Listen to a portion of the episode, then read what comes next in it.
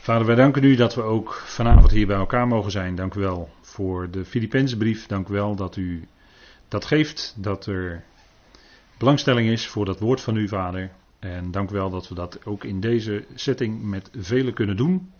En dank u wel dat het ook beluisterd wordt naderhand. We danken u voor de zegen die u verspreidt door uw woord, Vader. Het is bijzonder dat we dat mogen doen in alle vrijheid, in alle rust, met elkaar. Dank u wel dat we ons daarover mogen verblijden met Paulus, die zich verheugde ondanks alle tegenslag, ondanks alle omstandigheden. Vader, dank u wel dat we dat voorbeeld mogen navolgen, zoals hij Christus navolgde. Vader, we danken u dat we ook mogen wandelen in die ootmoedige gezindheid, die in deze brief zo sterk naar voren komt. Als basis ook voor onze wandel, Vader. Dat we ons niet verheffen de een boven de ander, maar dat we ootmoedig zijn en Vader, in afhankelijkheid van U leven, dat bewustzijn. U bent het Vader die ons leven voortleidt van stap tot stap. Maar ook dat grote plan van tijdperken, Vader, ook daar werkt U in door, door uw geliefde Zoon die de bouwer is. En dank u wel dat we mogen opzien naar U, Vader. Ook vanavond alles mogen verwachten van U. Geeft U ons een luisterend hart. Geeft U woorden, wijsheid, overdracht en uitdrukkingsvermogen. Vader, dank u voor wat u wil geven. Mag het tot opbouw zijn van ons geloof en bovenal tot lof en eer van uw naam. Bedank u daarvoor in de naam van uw geliefde zoon. Amen. Goed, ik wil graag met u lezen uh, Filippenzen 3 en dan vanaf vers 4. En dat doen wij hier in de Nederlandse concordante vertaling, de NCV. En ik lees met u Filippenzen 3 vanaf vers 4 tot en met vers 10. En er staat, en zelfs ik, heb ik ook vertrouwen in het vlees, indien iemand anders meent op vlees te vertrouwen, ik nog meer. Besnijdenis op de achtste dag, uit het geslacht Israël, van de stam Benjamin, Hebreeër uit de Hebreeën, naar de wet Fariseer, in ijver de uitgeroepen gemeente vervolgend, naar de gerechtigheid in de wet, onberispelijk wordend, maar al wat mij winst was, heb ik omwille van Christus verbeurd geacht.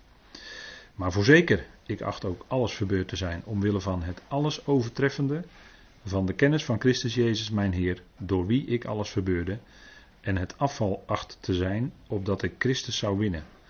En in hem gevonden wordt, niet mijn gerechtigheid hebbend, die uit de wet, maar die door het geloof van Christus. De gerechtigheid uit God, op grond van het geloof. Om Hem te kennen en de kracht van Zijn opstanding en de gemeenschap van Zijn lijden, gelijkvormig wordend aan Zijn dood. Tot zover. En we zijn gebleven vanavond, en we hebben de vorige keer, zoals u zich wellicht nog kunt herinneren, uh, zijn we gebleven op uh, bij dat uh, derde vers. Daar hebben we, zijn vorige keer mee geëindigd. Dus daarom wilde ik vanavond beginnen in vers 4. Vers 4. En dat hebben we vorige keer heel even met elkaar gelezen. En zelfs ik heb ik ook vertrouwen in het vlees. Vraagteken.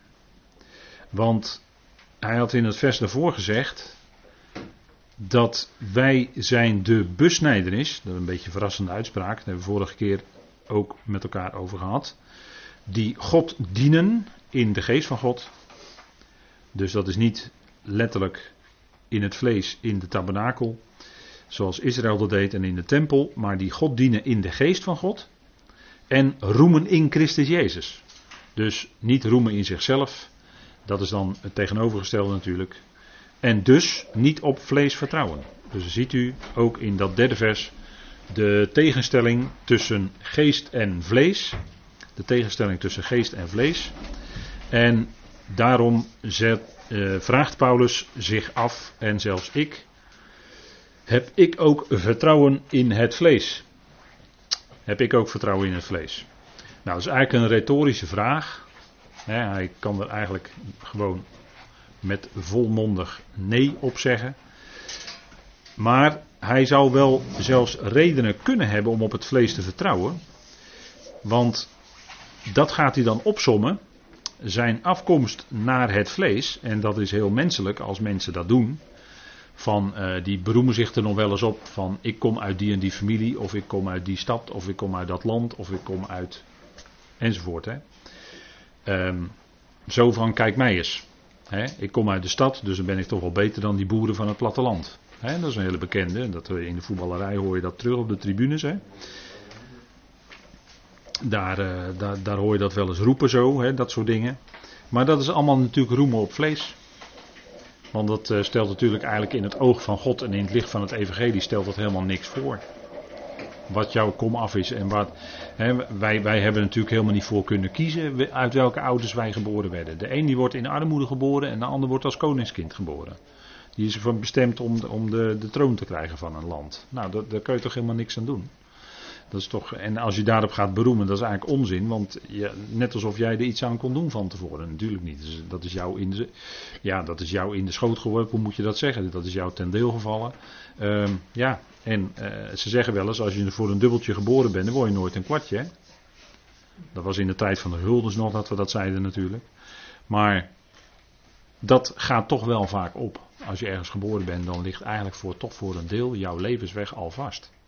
En, en, dat is ook al bepalend. En dan heb je nog erfelijkheid.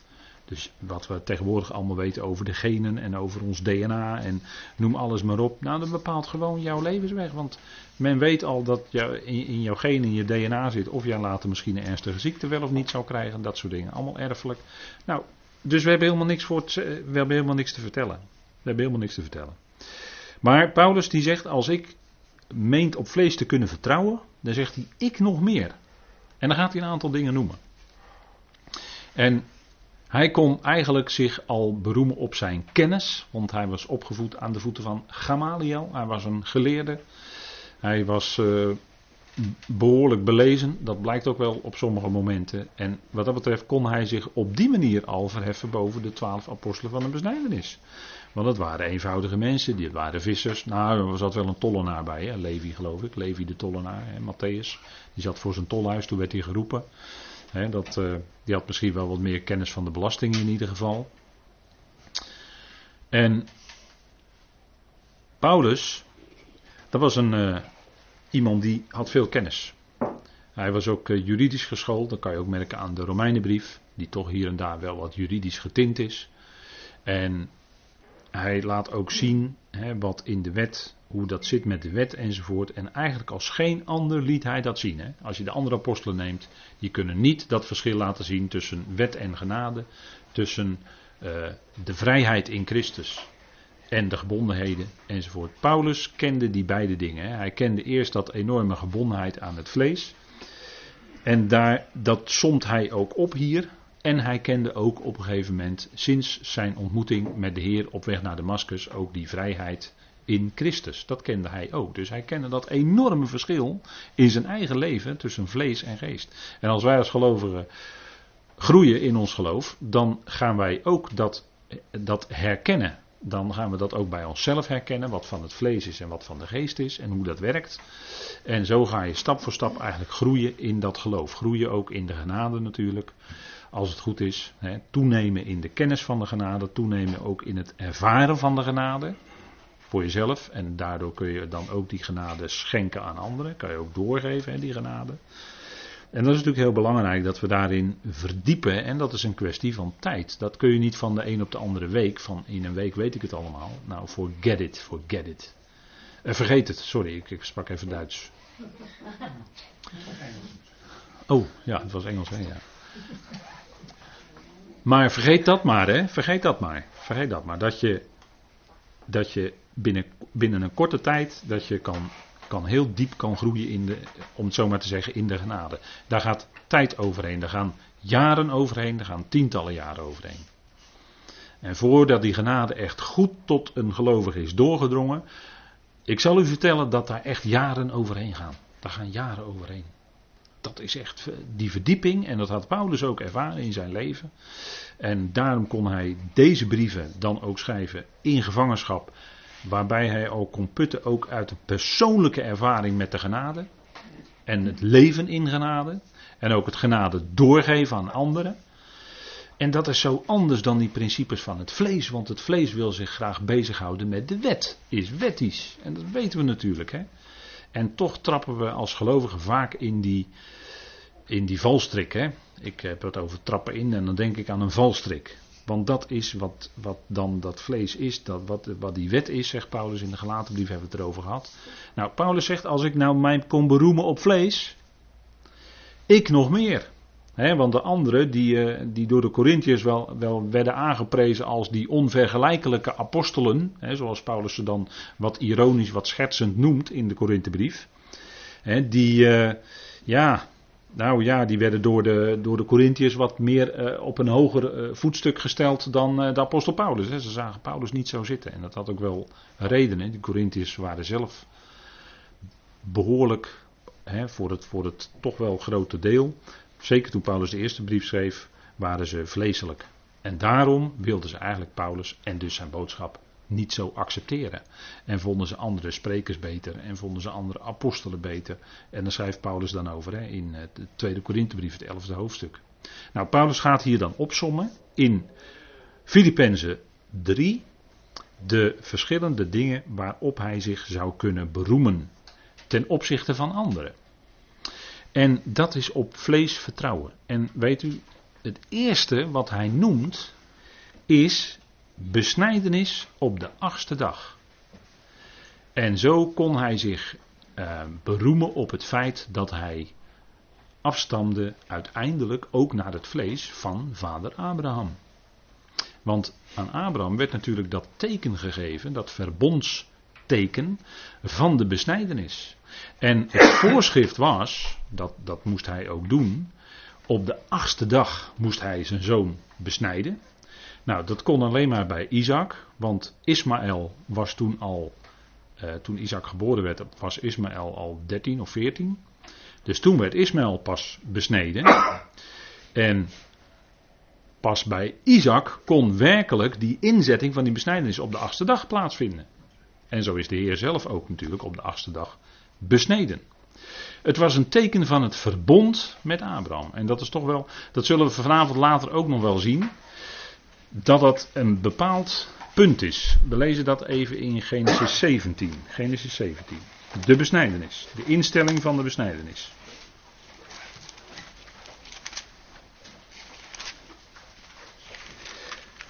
En daarin moeten we goed beseffen hoe die lijnen zitten. En dat hebben we wel eens vaker gezegd. Dus heel diep zal ik er nu ook niet op ingaan, omdat we dat op andere momenten al wel hebben gedaan. Maar in Genesis 17 daar onthult God zich als, en dat was heel bijzonder, Genesis 17, vers 1. Toen Abraham 99 jaar oud was, Genesis 17, vers 1, verscheen de Heer aan Abraham en zei tegen hem: Ik ben God de Almachtige. En u weet dat er staat Al Shaddai. En dat betekent eigenlijk de Algenoegzame. Dat wil zeggen, ik ben genoeg of ik heb genoeg kracht om jou dat te laten doen wat ik van je vraag. Wandel voor mijn aangezicht en wees oprecht. En dit is een, toch een wat andere uh, toonzetting dan in Genesis 15. In Genesis 15 is het eigenlijk de totale afwezigheid van werken. God spreekt, hij handelt niet, hij spreekt alleen.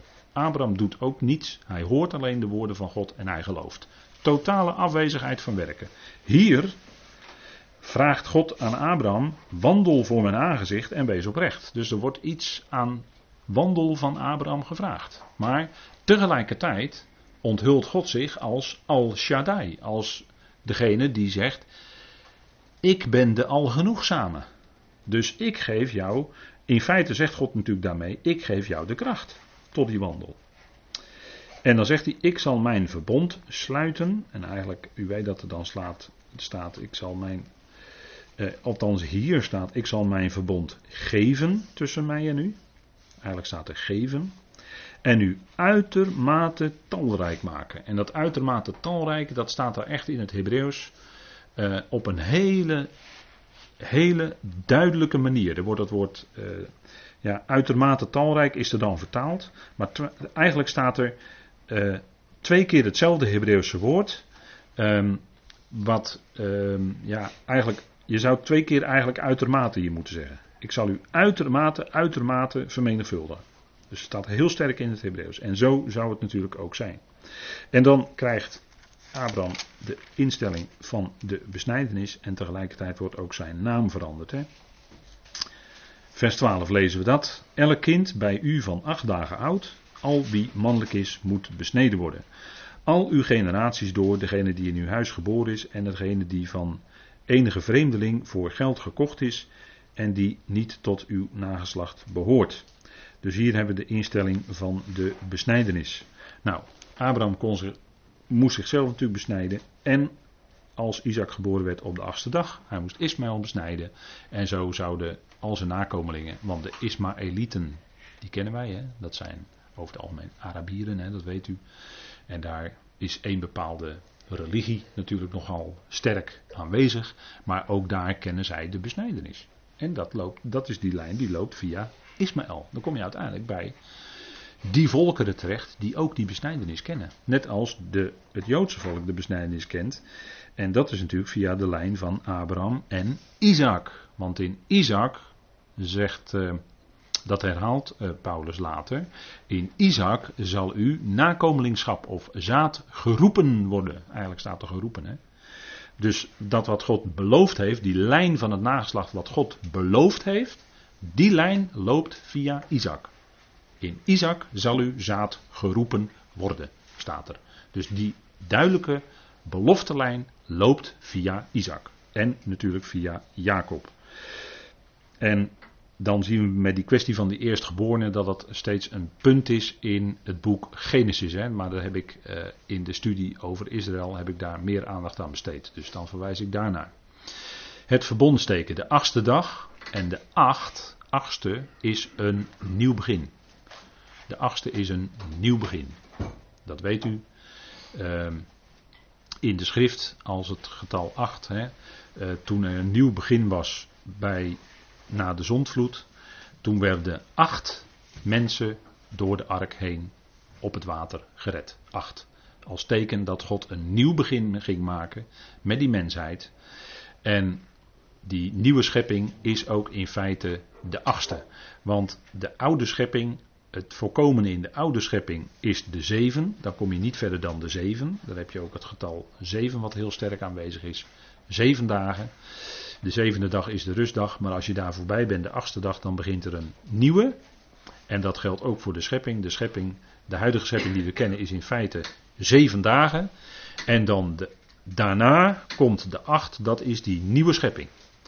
En nu is het mooie dat het woord, het Hebreeuwse woord gen, dat is, daar is het woord gein ook van afkomstig, het Jiddische woord gein. Dat het woord, Hebreeuwse woord gen, dat is het woord voor genade. En dat woord voor genade begint met de letter get. En dat is de achtste letter en die heeft ook de getalswaarde 8. En dat is ook het kenmerk van een nieuw begin. God begint iets nieuws in genade. Genade is het nieuwe principe. Wat God in werking doet komen via de apostel Paulus, dat maakt hij dan bekend overstromende genade op een wijze die het daarvoor niet zo bekend was geworden. Was wel steeds gezegd dat God was genadig en barmhartig en noem maar op. Dat werd wel gezegd. Alleen die werking van de genade begon pas bij het evangelie van Paulus echt als overstromende genade door te breken. En daarmee kwam ook in Christus de prediking van die nieuwe schepping. De geestelijke nieuwe schepping in Christus. En dat heeft alles te maken met de genade dus die, die, woorden, die dingen moet u bij elkaar zien. De genade, het nieuwe, de nieuwe schepping, de acht, dat hoort bij elkaar. En dan natuurlijk de tweede letter, dat is de noen, dat is de 50. En de 50 heeft in de schrift altijd te maken met verlossing. na de 49ste krijg je de 50ste, Pinksteren, Pentecoste. En dan krijg je de verlossing. Dat is ook het jubeljaar in Israël, dat is het 50ste jaar zeggen we, hè, gemakshalve, laten we daar maar op houden. Het is het vijftigste jaar. Als we daar uh, uh, tijdrekening is in de schrift altijd heel moeilijk. Maar laat maar zeggen, het is het vijftigste jaar. En dat is de verlossing. Dan komt ook de verlossing. En het leven begint pas als je 50 bent, hè, geloof ik. Zeggen ze wel eens. Hè? Leven begint pas als je 40 bent. Maar dat zeggen ze als je 40 bent geworden. Maar dan begint het vijfde tiental al. Dus dan zit je eigenlijk al een beetje in die, aan het begin van het vijftigste de, cyclus naar de 50 toe. Dus vandaar het leven begint bij 50. Maar goed, dat is mijn eigenwijze interpretatie. Maar je bent dan in de genade. En dat is eigenlijk best geinig als je. Nou, dat doet je ook wel lachen, hè? Isaac. Dat, eh, dat is de genade. Ja, dat, is, dat hoort allemaal bij elkaar. Dat is waar Paulus, Saulus, zich op zou kunnen beroemen naar het vlees. Want kijk, een besnijdenis is iets dat aan het vlees gebeurt. Maar de betekenis daarvan, kijk, de Joden, Israël, is zich daarop gaan beroemen. Wij zijn de besnijdenis, wij hebben dat teken gekregen, wij hebben dat verbond. Terwijl het juist een afsnijding was van het vlees en het typeerde juist, jij kan het niet vanuit jouw eigen vlees, daarom moest het vlees afgesneden worden. En we hebben de vorige keer erover gelezen vanuit Colossense 2, wat in feite de werkelijke besnijdenis is waar het allemaal om draaide. Dat de Heer, dat Christus besneden werd op Golgotha, dat was de besnijdenis van Christus, niet van Jezus, dat was op zijn achtste dag. Maar de besnijdenis van Christus was op Golgotha, hebben we vorige keer gelezen, Colossense 2 vers 11. En dat is de besnijdenis waar alle besnijdenis aan het vlees naartoe verwees. Het vlees werd afgesneden op Golgotha en daarom kunnen wij niet langer als gelovigen leven vanuit ons vlees. Dat worden we ons steeds meer bewust, maar leven we door de geest, door de kracht van de geest. En dan is het vlees afgesneden en dat is de werking van het kruis. En dat is een hele diepe, doorgaande werking in ons leven als gelovigen. De werking van het kruis. De prediking van het kruis is alleen bij de apostel Paulus. Dat lees je bij de andere apostelen niet. En dat klopt ook, want die andere apostelen komen eigenlijk niet tot aan de nieuwe schepping. De prediking van Paulus, die, daar komt op een gegeven moment een duidelijke scheidslijn. Dat heeft alles met het kruis te maken, 2 Korinthe 5. Een nieuwe schepping in Christus. Maar dat wordt gezegd nadat er gezegd is. Indien één voor allen gestorven is, zijn zij allen gestorven. Dat betekent dus de afsnijding van het vlees. En dan krijg je die nieuwe schepping in Christus. Dat is door de geest. De geestelijke nieuwe schepping in Christus. Daar gaat het om. En daar zit ook het probleem van veel christenen, van veel gelovigen, met de boodschap van de apostel Paulus. En dan hebben ze dus problemen met Paulus. Die lastige Paulus, en dat is voor de, voor de Joden is dat ook een probleem. De rabbijnen zeggen dat zelf ook. Bij Paulus is het misgegaan. Dat zeggen ze gewoon. En dat wordt binnen het christendom ook gezegd. En dat komt omdat men de boodschap van het kruis die Paulus brengt niet ten diepste begrijpt. De consequenties daarvan. En daarom eh, blijft men steken bij of een gemengde boodschap. En dat is eigenlijk geen evangelie. Of men gaat helemaal mee terug, om het zo maar te zeggen, naar de Joodse wortels. Gaat men helemaal mee naar Israël. En dan gaat men die, de feesten meevieren. Gaat men de Shabbat houden. Dan gaat men zich aan de voedselvoorschriften houden. Dan gaat men zich gedragen alsof, een Jood, alsof men een Jood is. Alsof men een Israëliet is, terwijl men het niet is. En het zegt bijvoorbeeld Rabijn Lodi van der Kamp dat dat gewoon niet terecht is. Hij had een hele duidelijke column op een gegeven moment in het Nederlands Dagblad een paar jaar geleden. Die sloeg precies de spijker op de kop. Hij zegt, die christenen moeten helemaal niet die feesten gaan meevieren alsof ze Israël zijn, want ze zijn Israël helemaal niet. Zij erbij van de kamp, die zag dat gewoon heel duidelijk. Die feesten, die vastgestelde tijden, die zijn aan Israël gegeven, niet aan de heidenen, niet aan de natie. Dat is toch een hele duidelijke zaak. Dat is toch een eerlijke zaak ook, als er bijna dat zo zegt. Ik bedoel, daar hoeven we toch niet helemaal niet kinderachtig over te doen. Maar wat mensen gaan er mee. En die voorschriften en de Shabbat ja, is eigenlijk ook wel mooi om daar mee te doen. En ja, het is misschien ook allemaal heel mooi hoor, dat zal wel. Maar je bent allemaal bezig. Je hebt niet door dat je gewoon bezig bent vanuit het vlees. Want je gaat allemaal weer je houden aan rituelen. En daar voelt het vlees zich ook heel prettig bij. Van ik heb dit en dit weer gedaan. Het, hoe hoort het hè? Het doen. Het gaat erom het doen. Dat je iets doet. Ik heb iets gedaan. Ja, maar dat heeft voor God helemaal geen betekenis. Dat waren de schaduwbeelden.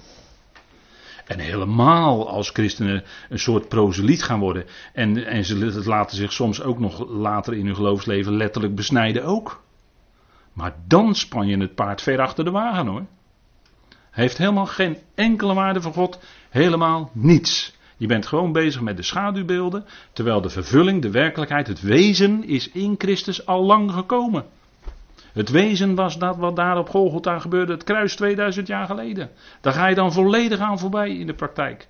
En je laat eigenlijk zien, ik heb Christus niet nodig, ik doe het zelf. En dat vind ik een hele ernstige. En dat is ook wat Paulus zegt in Galaten 5. Maar jij kan het helemaal niet zelf. Dat ga je ontdekken in je leven. God moet doen in jouw leven. Christus moet zijn kracht in jou onthullen. En anders is het allemaal eigen kracht en heeft er geen enkele waarde. En dan sta je bij de Berma en dan verbrandt alles binnen een paar seconden. Is het zo weg? Want het had allemaal geen waarde voor God. Het was allemaal proberen en bezig zijn vanuit het vlees. Allemaal prachtig mooi. Maar het heeft helemaal geen enkele waarde. Het had alleen maar waarde op het moment dat het aan Abraham gegeven werd, dat Israël het deed als teken, als verwijzing naar uiteindelijk ten diepste wat daar op kruis zou gebeuren. En dat is gebeurd. En dat is die vervulling, dat is de werkelijkheid. En daarna hoef je natuurlijk niet meer te doen, want dan ben je bezig met de schaduw dan draai je de zaak om. Alsof het, of volle licht nog niet gekomen is. Is wel gekomen, maar je ontkent het gewoon glashard. Ja, dat is, uh, dat is zoals het in feite ligt. Hè? Goed, het, punt, het tweede punt. Hij kon zeggen: Ik ben uit het geslacht Israël. En daar valt natuurlijk wel veel over te zeggen.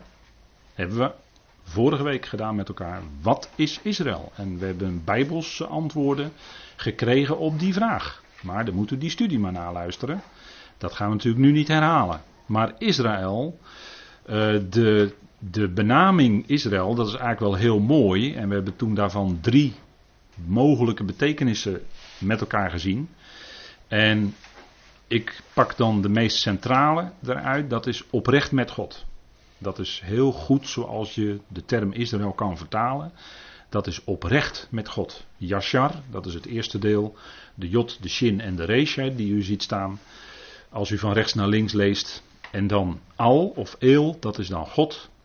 En als je dat zo achter elkaar ziet, dan kun je vanuit het Hebreeuws gewoon zeggen oprecht met God. En dat vinden wij ook terug in de Concordant Literal Old Testament. Daar staat upright with God. Dus die vertalen het ook zo. En dat vind ik uh, prima vertaling. Maar je kunt het ook op twee andere manieren vanuit het Hebreeuws afleiden. En ook dat is mogelijk. Ik laat het dan liever naast elkaar staan. Nou, uit het geslacht Israël, daar staat natuurlijk bovenaan Abraham. En u weet hoe die geschiedenis gegaan is. Abraham, en die had dan uiteindelijk bij Isaac, was dan het beloofde nageslacht. En met Rebecca kreeg hij dan Jacob en Esau. En ook Jacob werd als tweede geboren, maar kreeg het eerst geboorterecht. En Jacob is eigenlijk de vasthouder, hè, want toen hij geboren werd, toen hield hij de hiel van zijn broer vast. Hè, de vasthouder. Jacob, dat waren de zonen van Isaac. En dan kreeg je bij Jacob ontstond eigenlijk de twaalf, hè, de, de twaalf eh, zonen bij uh, de verschillende vrouwen Lea en Rachel, bij oom Laban en Zilpa en Billa en dat was uiteindelijk in twaalf zonen en een dochter Dina. Uh, ontstond die familie en die familie ontstond in Egypte. Hè? Dus het werd tot een volk in Egypte. Nou, die lijn is dan helemaal doorgegaan. En uh, Paulus die kon zeggen, nou ik ben uit het geslacht van Israël. Dus er was ook iets waarop hij zich kon beroemen. Hij kon zeggen, ik ben Israëliet. Ik ben uit het geslacht Israël. Dus dan hoor ik wel bij het volk, wat in principe eh, boven de andere volkeren eh, stond, moet ik zeggen, sinds de Efezebrief stond, want nu is het gelijk. En straks in de duizend jaar is het weer dat Israël wel weer boven de volkeren staat, maar nu is het gelijk in deze tijd. Uit het geslacht Israël, dus ze konden zich ook beroemen. Daar was hij uit afkomstig en hij gaat het nog verder preciseren. Want hij zegt: Ik ben van de stam Benjamin. En Benjamin, dat was de tweede zoon van Rachel. En zij noemde hem eerst Benoni, zoon van mijn smart. Want ze had een hele zware bevalling. Uiteindelijk stierf ze ook zelfs daaraan. Benoni, zoon van mijn smart. Maar eh, vader Jozef zei. Of nee, sorry. Uh, Rachel. Uh, vader Jacob zei: nee, het moet Benjamin zijn. Hè? Het moest Benjamin zijn. En hij werd geboren in, bij Efrat. Hè, bij Efrata. Dus daar zitten we al heel dichtbij hoor. En als we kijken wat Paulus dan zegt, ik ben uit de stam Benjamin. En de stam Benjamin, dat is uh, uit het, als je kijkt hoe dat in het verleden gegaan is, de stam Benjamin, dan weet u wellicht dat bij de scheuring van het Rijk in tweeën, dat uh, eigenlijk er één stam was voor koning Rehabiam, die afstamde van Salomo en dus uit de stam Juda kwam. Maar de andere, en dus waren eigenlijk die andere elf stammen, die zouden eigenlijk aan Jerobiam toebehoren. Koning Jerobiam van het noordelijke tienstammenrijk, die had eigenlijk dan elf. Maar Benjamin werd toegevoegd aan Juda. En wat wordt daarvan gezegd? Dat Benjamin zou het licht zijn voor Juda. En even met elkaar opzoeken in 1 Koningen 11. Want ja, u bent misschien niet allemaal op de zonneschool geweest. En, en ja, dan is dat allemaal niet zo misschien duidelijk meegekomen. Maar koning Jerobiam die kwam zelf uit de stam Ephraim. En Ephraim is ook de aanduiding voor de tien stammen in de profetie. En dat had te maken met het feit dat het eerstgeboorterecht bij Ephraim terecht kwam. En niet bij Manasse. 1 Koningen 11.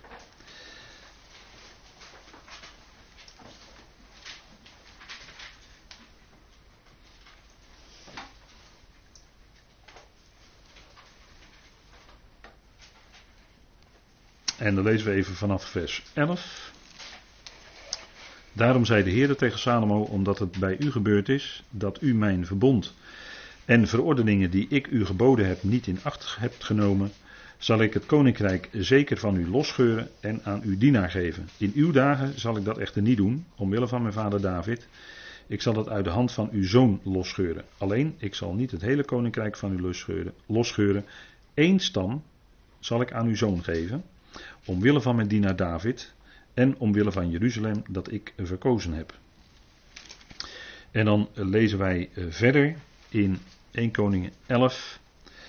En dan zien wij dat de stam Benjamin aan Juda wordt toegevoegd. En dat lezen wij vanaf vers 34.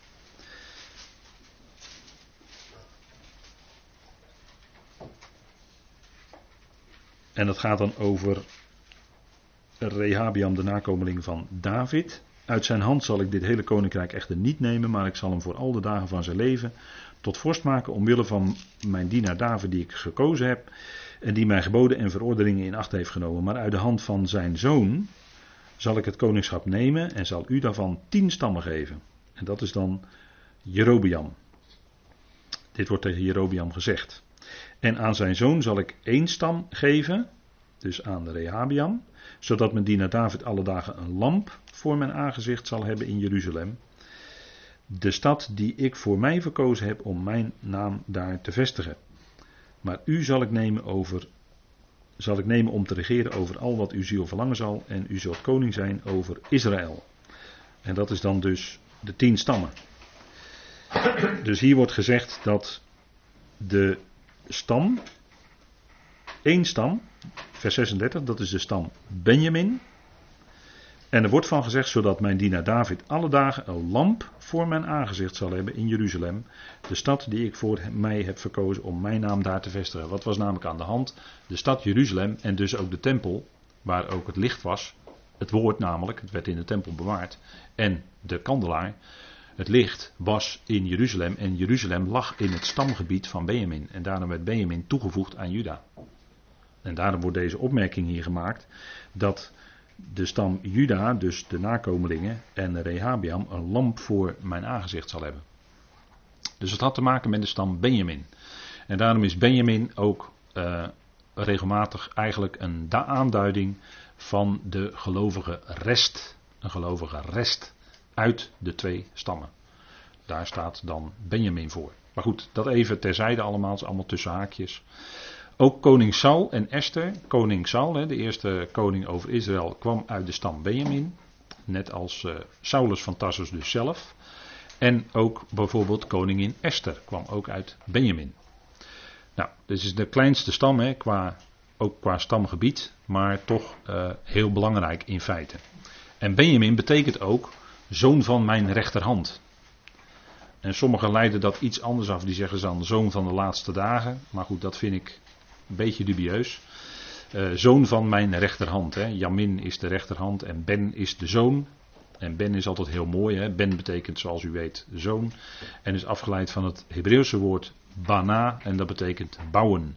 Dus de zoon in de schrift is altijd de bouwer. De zoon is de bouwer. En de zoon is ook degene. Altijd als een zoon geboren wordt, dan gaat de familielijn door. Dus de zoon is degene die de familielijn bouwt. Maar als we dat meer geestelijk bekijken, dan is natuurlijk Christus Jezus als de zoon van God de grote bouwer van Gods plan. En bouwt hij Gods plan van Ionen uit totdat uiteindelijk God alles in alles zal zijn. Dat is ook een punt van de zoon. Hè? Dus niet alleen erfgenaam, niet alleen lotgenieter, maar ook de bouwer. Hè? Dat is heel belangrijk. En daar spreekt bijvoorbeeld Hebreeën over als het gaat om dat Mozes hè, in, in zijn eigen huis uh, diende, maar dat de zoon, dat is dan Christus, die is belangrijker dan Mozes, hoger dan Mozes, dat de zoon de bouwer is in zijn huis. En dat dat een, uh, ja, een hoger en een beter huis is. Goed, uh, van de stam Benjamin komt Paulus zich ook op beroemen naar het vlees, hè, dat hij daar, daaruit afstamde, zelfs uit de stam Benjamin, waar een koning uit voortkwam. Hebreeër uit de Hebreeën. Dat is er ook één. En dat heeft natuurlijk wel een achtergrond. Kijk, Abraham was een Hebreeër. En het woord Hebreeër in het Hebreeuws betekent degene die voorbij trekt. En wat men vaak zegt als betekenis is, degene die aan de overkant is. Die die, die aan, aan de andere zijde is. Maar dat is een afgeleide betekenis. Als je teruggaat naar het Hebreeuws, dan is het eigenlijk, Hebreeër is iemand die voorbij trekt. Dat is iemand die in beweging is. Een passant. En dat was Abraham natuurlijk ook. Abraham wordt een Hebreeër genoemd in Genesis 14. En dan moeten we even goed bij de les blijven van Genesis, want het was voordat hij besneden werd, werd hij Hebreeër genoemd, de Hebreeër Abraham, degene die voorttrekt en was een pelgrim in het land Canaan. Hij woonde in tenten. En dat was ook wel bijzonder, want Abraham, dat was natuurlijk niet een primitieve nomade. Wel nee, helemaal niet. Abraham was een grote vorst, een Oosterse vorst. Met een hele, met een hele karavaan trok hij weg uit Ur Galdeeën. Dat was een wijs man. Die had brains. Dat was geen primitieve nomade zoals die wordt voorgesteld. Hè? In, soms in de uitleg. Dan wordt hij gekleineerd. Dat is helemaal niet waar. En dat is ook zo met, uh, nou ja goed, dat is een hele evolutietheorie, laat maar, laat maar. Ik heb het woord eigenlijk al genoemd, dat was eigenlijk al te veel. Maar kijk, Abraham was een voorbijtrekkende, hij was een Oosterse vorst en hij woonde in tenten. Dat was bijzonder, want daar waar hij vandaan kwam, daar woonden ze gewoon in vaste stenen huizen hoor. Daar woonden ze gewoon in stenen woningen die vast op de grond stonden. Maar hij ging in tenten er vandoor. En dat was heel veel betekenend. Hij ging op weg op grond van het woord wat God gesproken had. Ga, Abraham. En hij geloofde God en hij ging. En hij was ook in Canaan zelf, in het beloofde land, woonde hij ook in tenten. Daar ging hij ook geen huizen bouwen. Hij woonde daar in tenten. Hè, bij, de, bij gelegenheid bij eiken enzovoort. Als uh, eik is in het Hebreeuws hetzelfde woord als eet. Dus daar waar God een eed zwoer bij de belofte die hij gaf aan Abraham, dan zwoer hij een eed bij. En dat woord eed is ook eik in het Hebreeuws. Dus dan ziet u dat het allemaal, dat heeft allemaal met elkaar te maken, hè, die dingen. Dat, er staan natuurlijk niet voor niks dingen in, in de Bijbel, anders zijn het allemaal van die loze opmerkingen. En wat hebben we er nou aan als, als we lezen dat Jacob in Lus was en daarna het, land vliet via Lus? Wat hebben we daar nou, wat hebben we daar nou aan, aan zo'n mededeling? Nou, omdat Lus betekent, Lus betekent ook precies wat ons Nederlandse woord Lus is, dat betekent afwijken. Dus op dat moment week hij uit, uit het land en ging hij twintig jaar naar oom Laban. En later kwam hij weer terug. Dat was een hele lus in zijn leven. Dat was die hele afwijking van twintig jaar. En toen kwam hij weer terug op de plek waar hij wezen moest. En dat was natuurlijk Gods plan met zijn leven. Dat wel, zeker wel. Maar het was wel bij lus vandaan, hè. Dat is niet onbetekenend. En toen kwam hij in Bethel terug, huis Gods. Dat is ook, ook veel vol betekenis. Je moet letten op die dingen die u leest hè, in de Bijbel. Er staat niet, voor, niet iets voor niets in de Bijbel. Het zijn geen nutteloze weetjes. Helemaal niet. Dat zijn allemaal dingen die belangrijk zijn. Je moet aan elk woord, aan elke betekenis moet je, moet je, aandacht aan schenken. Daarom zouden we de schriften ook onderzoeken. Dat is wat we hier doen. We zijn niet alleen bezig de schrift te lezen. Nee, we moeten de schrift onderzoeken. Dat is wat de Heer ook tegen de fariseeën en schriftgeleerden zei. Jullie, jullie moeten de schriften onderzoeken. Abraham was een voorbijtrekker in het land Canaan. En in Genesis 15, als hij dan daar bij die tent staat, God roept hem uit die tent, hij zegt ga eens buiten staan en hij zegt, Abraham, jouw nageslacht zal zijn als die sterren aan de hemel en die kun jij niet tellen. Te talrijk in menigte. Zo zal ook jouw nageslacht zijn. En wat staat er dan heel eenvoudig? Abraham geloofde God en dat werd hem tot gerechtigheid gerekend. Welk geloof? Nou, toen was hij helemaal, nog helemaal niet besneden. Maar dat was gewoon God die sprak en hij geloofde dat. En dat werd hem tot gerechtigheid gerekend. Abraham deed dus niets. Alleen buiten staan, horen en geloven. Dat is rechtvaardigheid. Dat, dat is ook precies wat Paulus aanhad in Romeinen 4 bij de rechtvaardiging van de goddelozen. Dus niet de rechtvaardiging van degene die het zo goed voor in zijn leven voor elkaar heeft. Maar is de rechtvaardiging van de goddelozen, van degene die de gemeente vervolgde. Bijvoorbeeld. Saulus. Die werd gerechtvaardigd. Jawel. En zo doet God dat. En dat is genade. Kijk, toen in Genesis 15 wordt er ook gezegd: nakomelingen als de sterren aan de hemel. Dat is belangrijk, hè? Dat is een punt. Dat is een punt. Kijk, Abraham was een Hebreeër. Een Hebreeër uit de Hebreeën. En nadat Abraham besneden werd, hebben we net met elkaar gelezen, nadat Abraham besneden werd, daarna wordt pas aan hem de belofte gegeven dat zijn nakomelingen zouden zijn als het zand aan de zee. En daarin zit toch een diepere betekenis. Dat zand aan de zee is dat nakomelingschap van Israël en van de volkeren. Dat zou talrijk zijn als het zand aan de zee. Maar dat sterren, die sterren, die nakomelingen als de sterren, dat heeft natuurlijk te maken met, ja, inderdaad, boven de hemelse, hè, de hemelse uh, gebieden, om het zo maar te zeggen. Hè. Daar, zit, daar zit een enorme hint in. Kijk, een Hebreeër uit de Hebreeën. En op dat moment werd Abraham een Hebreeër genoemd. Abraham was geen Jood, dat kon ook helemaal niet. Want de stam Juda was er nog lang niet toen Abraham was. Dus Abraham kun je nooit een Jood noemen. Maar hij werd dan ook Hebreeër genoemd. Dat is een punt, hè. Kijk, en dat is, denk ik, wel even goed om te, met elkaar te bekijken. Um, aan de hand van de ontwikkeling in handelingen. Hoe zit het nou met die brief aan de Hebreeën? Want vaak weten wij toch niet helemaal goed wat we ermee aan moeten. U zegt misschien wel heel, heel strak van. Is alleen een brief voor Israël, alleen een brief voor de Joden, hebben wij helemaal niks mee te maken. Toch ligt dat een beetje genuanceerder, denk ik. En daar wil ik toch vanavond iets dieper op ingaan, omdat we bezig zijn met het begrip Hebreeën. Wat was er nu aan de hand in de periode van handelingen? Want toen Paulus deze brief schreef, zat hij in gevangenschap in Rome, handelingen 28. En toen met het schrijven van Efeze, Filippenzen, Colossense ging er toch een bepaalde fase in van Gods plan. En daarvoor had je een ontwikkeling die leidde tot de fase van Gods plan, de tijd van genade, de periode van genade waar we nu in leven. Die volle genade die, die werd bekend door de, wat we nu lezen als de gevangenschapsbrieven. Nou, wat had je tijdens Matthäus en Johannes? Had je het volk Israël, en dat zou je kunnen zeggen, dat is de eerste fase. Ik heb het op deze dia's allemaal aangegeven. En wat gebeurde er met Israël? De Heer kwam en Israël verwierp niet alleen de prediking van het koninkrijk, dat was de eerste fase, maar de tweede fase was, zij verwierpen ook de koning van het koninkrijk. En hij werd uiteindelijk gekruisigd zelfs. Waarvan Petrus zegt dat zij, die Israëlieten, dat gedaan hadden. Zegt Petrus hè, op de Pinksterdag. Het zijn niet mijn woorden, maar dat zegt Petrus. Het volk Israël, dat was fase 1 zou je kunnen zeggen. Tot op handelingen 2. Zij verwierpen het koninkrijk en de koning. Dan krijg je de volgende fase. Vanaf handelingen 2. Dat is het volk Israël bleek ongelovig. Voor het grote geheel van het volk. Maar er werden uit dat volk, door de prediking van het koninkrijk, door de prediking van de besnijdenis-evangelie, werden er uit dat volk een heel aantal bekeerd. En dat was op de Pinksterdag zelfs 3000. Dat was de eerste oogst, om het zo maar te zeggen. Pinkster is natuurlijk een oogstfeest. Dus dat was heel toepasselijk dat er mensen geoogst werden, om het zo maar te zeggen. Een groep bekeerlingen uit Israël. 3000 plus heb ik erop gezet. En dat is dan wat je zou kunnen zeggen de koninkrijksgemeente. Dus de gemeente, de ecclesia, de geroepenen, die op weg waren naar dat aardse koninkrijk. Anders was er helemaal niets bekend.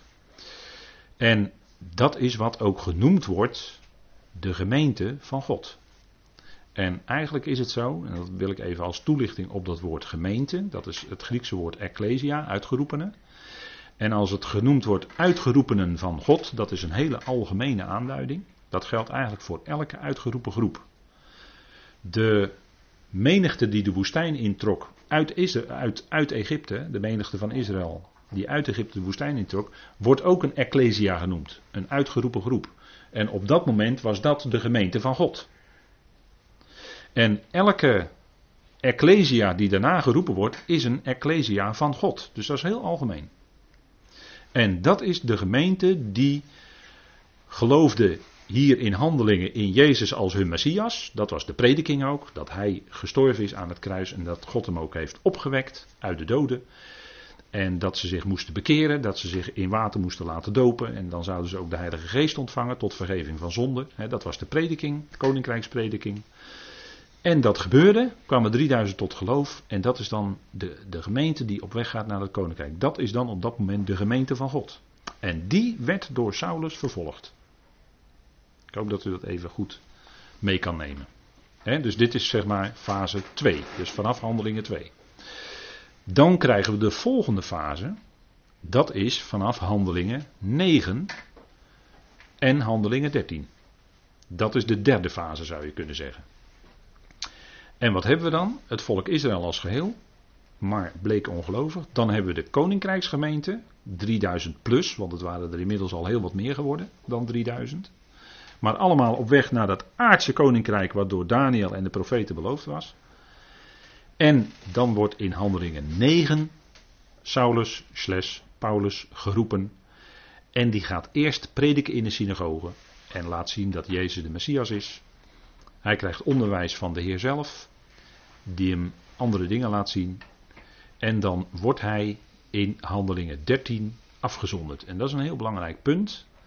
Hij werd eerst afgezonderd uit zijn judaïsme op weg naar Damascus. Toen God hem op krachtige manier riep, verblindend licht. Jezus ontmoette hem. En zo werd hij afgezonderd van het judaïsme. Maar een hele belangrijke afzondering vinden wij ook in Handelingen 13. Wil ik even met u lezen dan. Handelingen 13, vers 2.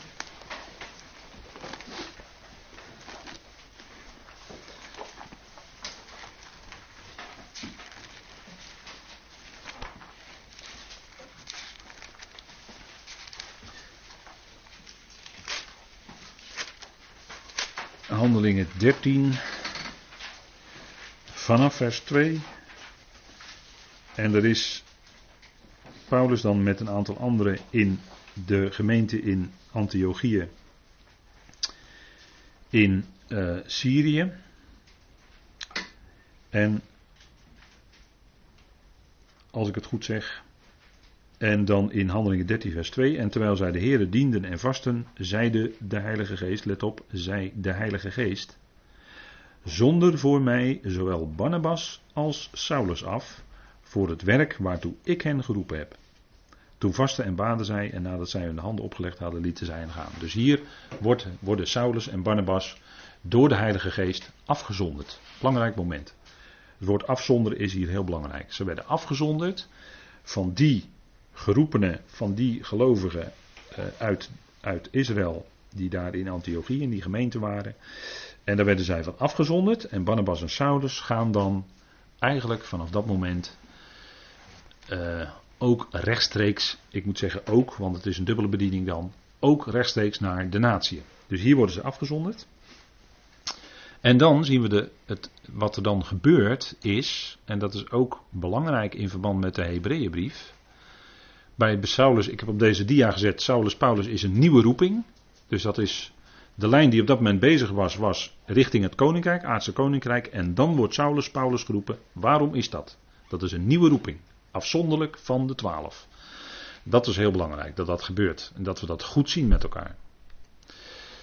Dan zien wij in handelingen dat Johannes Marcus met Paulus meegaat. Dat is handelingen 12, vers 25. En dat is nog even voor dat moment van afzondering, wat we er net gelezen hebben. En er staat Barnabas nu en Saulus keerden terug uit Jeruzalem na hun dienstwerk vervuld te hebben en ze namen Johannes mee die ook Marcus genoemd werd. Dus dan hebben we drie uit Israël, Saulus, Barnabas en Johannes Marcus, die dan op weg gaan en die komen dan in Antiochieën. En dan gaan ze dus gedrieën ook op weg. En dan komen ze, die bekende geschiedenis, bij Sergius Paulus op Cyprus. Dat is eigenlijk de eerste, om het zo maar te zeggen, pure heiden die tot geloof komt. En dus die was geen proseliet, zoals Cornelius dat was in Handelingen 10 bij Petrus. Nee, dit was een pure heiden, Sergius Paulus. En die kwam tot geloof. En dan lezen wij dus na dat gedeelte, en dat is in Handelingen 13, vers 13, lezen wij ook weer een afscheiding. En Paulus en zij die bij hem waren, voeren van Paphos weg en kwamen in Perge aan, een stad in Pamphylië. Maar Johannes verliet hen, dat is die Johannes Marcus, en keerde terug naar Jeruzalem. En later lezen we waarom dat was. Dus hier werd Johannes Marcus afgescheiden van Paulus, terwijl hij wel een stuk mee was gegaan. Maar nadat de eerste heide geroepen was, keerde hij terug naar Jeruzalem. Dan bladeren we even door naar Handelingen 15, het einde. En dan zijn we dus na die eerste dienstreis, die eerste reis die Paulus gemaakt heeft, is hij teruggekomen in Jeruzalem. En in Jeruzalem is er dan een apostelconvent en dan gaat het natuurlijk over de wet en de besnijdenis, hè, want daar was toen al natuurlijk uh, bonje over. Hè. Daar waren de fariseeën enzovoort, die wilden dat ook de anderen besneden werden. Hè, dat is natuurlijk een rode draad die op dat moment begonnen is en tot op vandaag aan de dag doorloopt. Hè. Wet en de besnijdenis en de rituelen enzovoort. Waar gelovigen dan mee, mee aan de slag te moeten gaan. Handelingen 15. En er staat, en Paulus, en die zijn inmiddels dan weer op weg gegaan naar de natieën. En Paulus en Barnabas, vers 35, verbleven in Antiochië en zij onderwezen en verkondigden met nog veel anderen het woord van de Heer. En na enkele dagen zei Paulus tegen Barnabas: Laten wij nu terugkeren en onze broeders bezoeken in elke stad waar wij het woord van de Heer verkondigd hebben en zien hoe het met hen gaat. Nu wilde Barnabas Johannes, die ook Marcus heet, meenemen. Paulus achtte het echter juist om hem, die hen van Pamphylia af verlaten had en niet met hem meegegaan was naar het werk, niet mee te nemen. Er ontstond daarom een verbittering. Ja, het woord verbittering is niet helemaal correct, maar goed. Zo, zodat ze uit elkaar gingen en Barnabas Marcus meenam en per schip naar Cyprus vertrok. Dus hier zien we dat ook Barnabas zich van Paulus afscheidde en dan met Johannes Marcus samen naar een andere plaats gaat. Maar Paulus koos Silas en vertrok nadat hij door de broeders aan de genade van God opgedragen was. En hij reisde door Syrië en Cilicië en versterkte de gemeenten. Dus hier zien we dat Barnabas en Johannes Marcus afgescheiden zijn van Paulus. Maar ze hadden natuurlijk wel de boodschap van Paulus gehoord en waren met hem opgetrokken. Dus zij hadden wel degelijk, ze waren wel degelijk op de hoogte van de dingen die Paulus te verkondigen had. Alleen de inhoud lezen wij natuurlijk niet in handelingen. Van Paulus één keer een toespraak, handelingen 13, en wat hij dan af en toe tegen de Joden zegt. Maar de echte inhoud van zijn evangelie lezen we alleen in zijn brieven. Dan het volgende punt, dan komen we dus bij die Hebreeënbrief, want we vragen ons steeds af aan wie werd die Hebreeënbrief nou eigenlijk geschreven? Nou, die, kijk, die Hebreeënbrief, dat is toch wel een bijzondere brief, daar wil ik u op wijzen. Um, want wat vinden wij in de Hebreeënbrief? Wij vinden in de Hebreeënbrief het woord hemels, en als ik het heel letterlijk zeg, op hemels. En dat is een woord wat in Efeze ook vijf keer gebruikt wordt.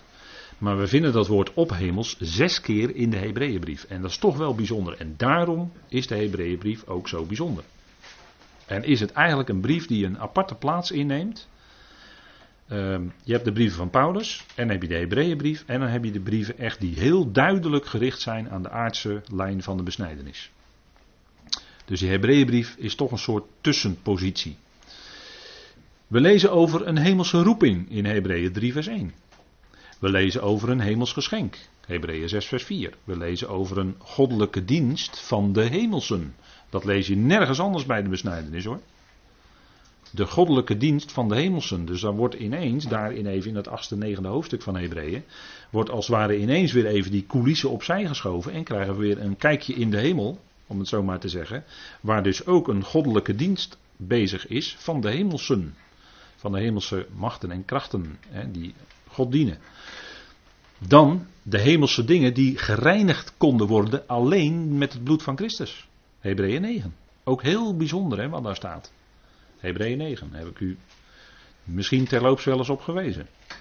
Dan wordt er gesproken in Hebreeën 11 vers 16 over een hemels land. Dat is natuurlijk, dat kan natuurlijk niet op aarde zijn. Nee, dat is een hemels land. Dat is natuurlijk het beeld wat daar gepakt wordt. En gezegd van ja, maar er is ook een bovenhemels of een hemels land. En zelfs wordt er gesproken over een hemels Jeruzalem. Een hemels Jeruzalem. Nota bene. Nou, kijk, die brief, die wordt geschreven, dat zeggen we altijd, aan de Hebreeën. Nou, wie waren nou die Hebreeën? We zien op een gegeven moment dus dat Barnabas en Johannes Marcus afgescheiden werden van Paulus. En dan zie je eigenlijk, Barnabas en Johannes Marcus wisten heel duidelijk van de dingen die Paulus te verkondigen had. En Paulus ging met Silas zijn weg die hij moest gaan. En als we lezen over de zegeningen die in Hebreeën genoemd worden, of waar in Hebreeën op gedoeld wordt, of naarheen verwezen wordt, dan zijn die zegeningen, die gaan veel hoger dan de aardse zegeningen die, aan Israël beloofd werden. Als je de brief van Petrus en Jacobus en Johannes leest, dan lees je over die aardse zegeningen, terwijl Hebreeën, wat Hebreeën aangeeft, dat gaat daar ver bovenuit. En u weet dat de Heer Jezus zei in dat gesprek tegen Nicodemus, van als jij, Nicodemus, als jij die aardse dingen al niet kan geloven en niet kan zien, laat staan dat ik jou de hemelse dingen zou vertellen. En dan gebruikt hij dat woord op hemels in Johannes 3, vers 12. net zoals dat woord ook hier in de Hebreeënbrief gebruikt wordt. Dus daar kon de Heer tegenover Nicodemus eigenlijk helemaal niets over vertellen. Die was daar bij lange na niet aan toe. En wat had je nou in die tijd van handelingen? Je had Paulus en Silas die gingen rechtstreeks naar de natie. Ontstonden ook gemeentes uit de natie. Bijvoorbeeld in Thessalonica en, en noem maar op, Korinthe. En er zaten natuurlijk ook wel enkele Joodse mensen bij. Maar er was een hele groep die daar als het ware tussenin zat. Um, die eigenlijk wel al iets meer hadden gehoord via Barnabas en Johannes Marcus van de lijn van Paulus. En daarom eigenlijk niet meer met die lijn van Petrus mee konden gaan. De koninkrijksgemeente. En daar eigenlijk als het ware tussenin zaten. En daarvoor, voor die groep is die Hebreeënbrief met name geschreven. En om die groep dus mee te nemen richting Paulus. En daarom wordt dat woord op hemels ook gebruikt. Anders, anders kun je dat eigenlijk niet goed verklaren. Waarom dat zo is in Hebreeën. En wat zien we dan? En dat is dan de vierde fase.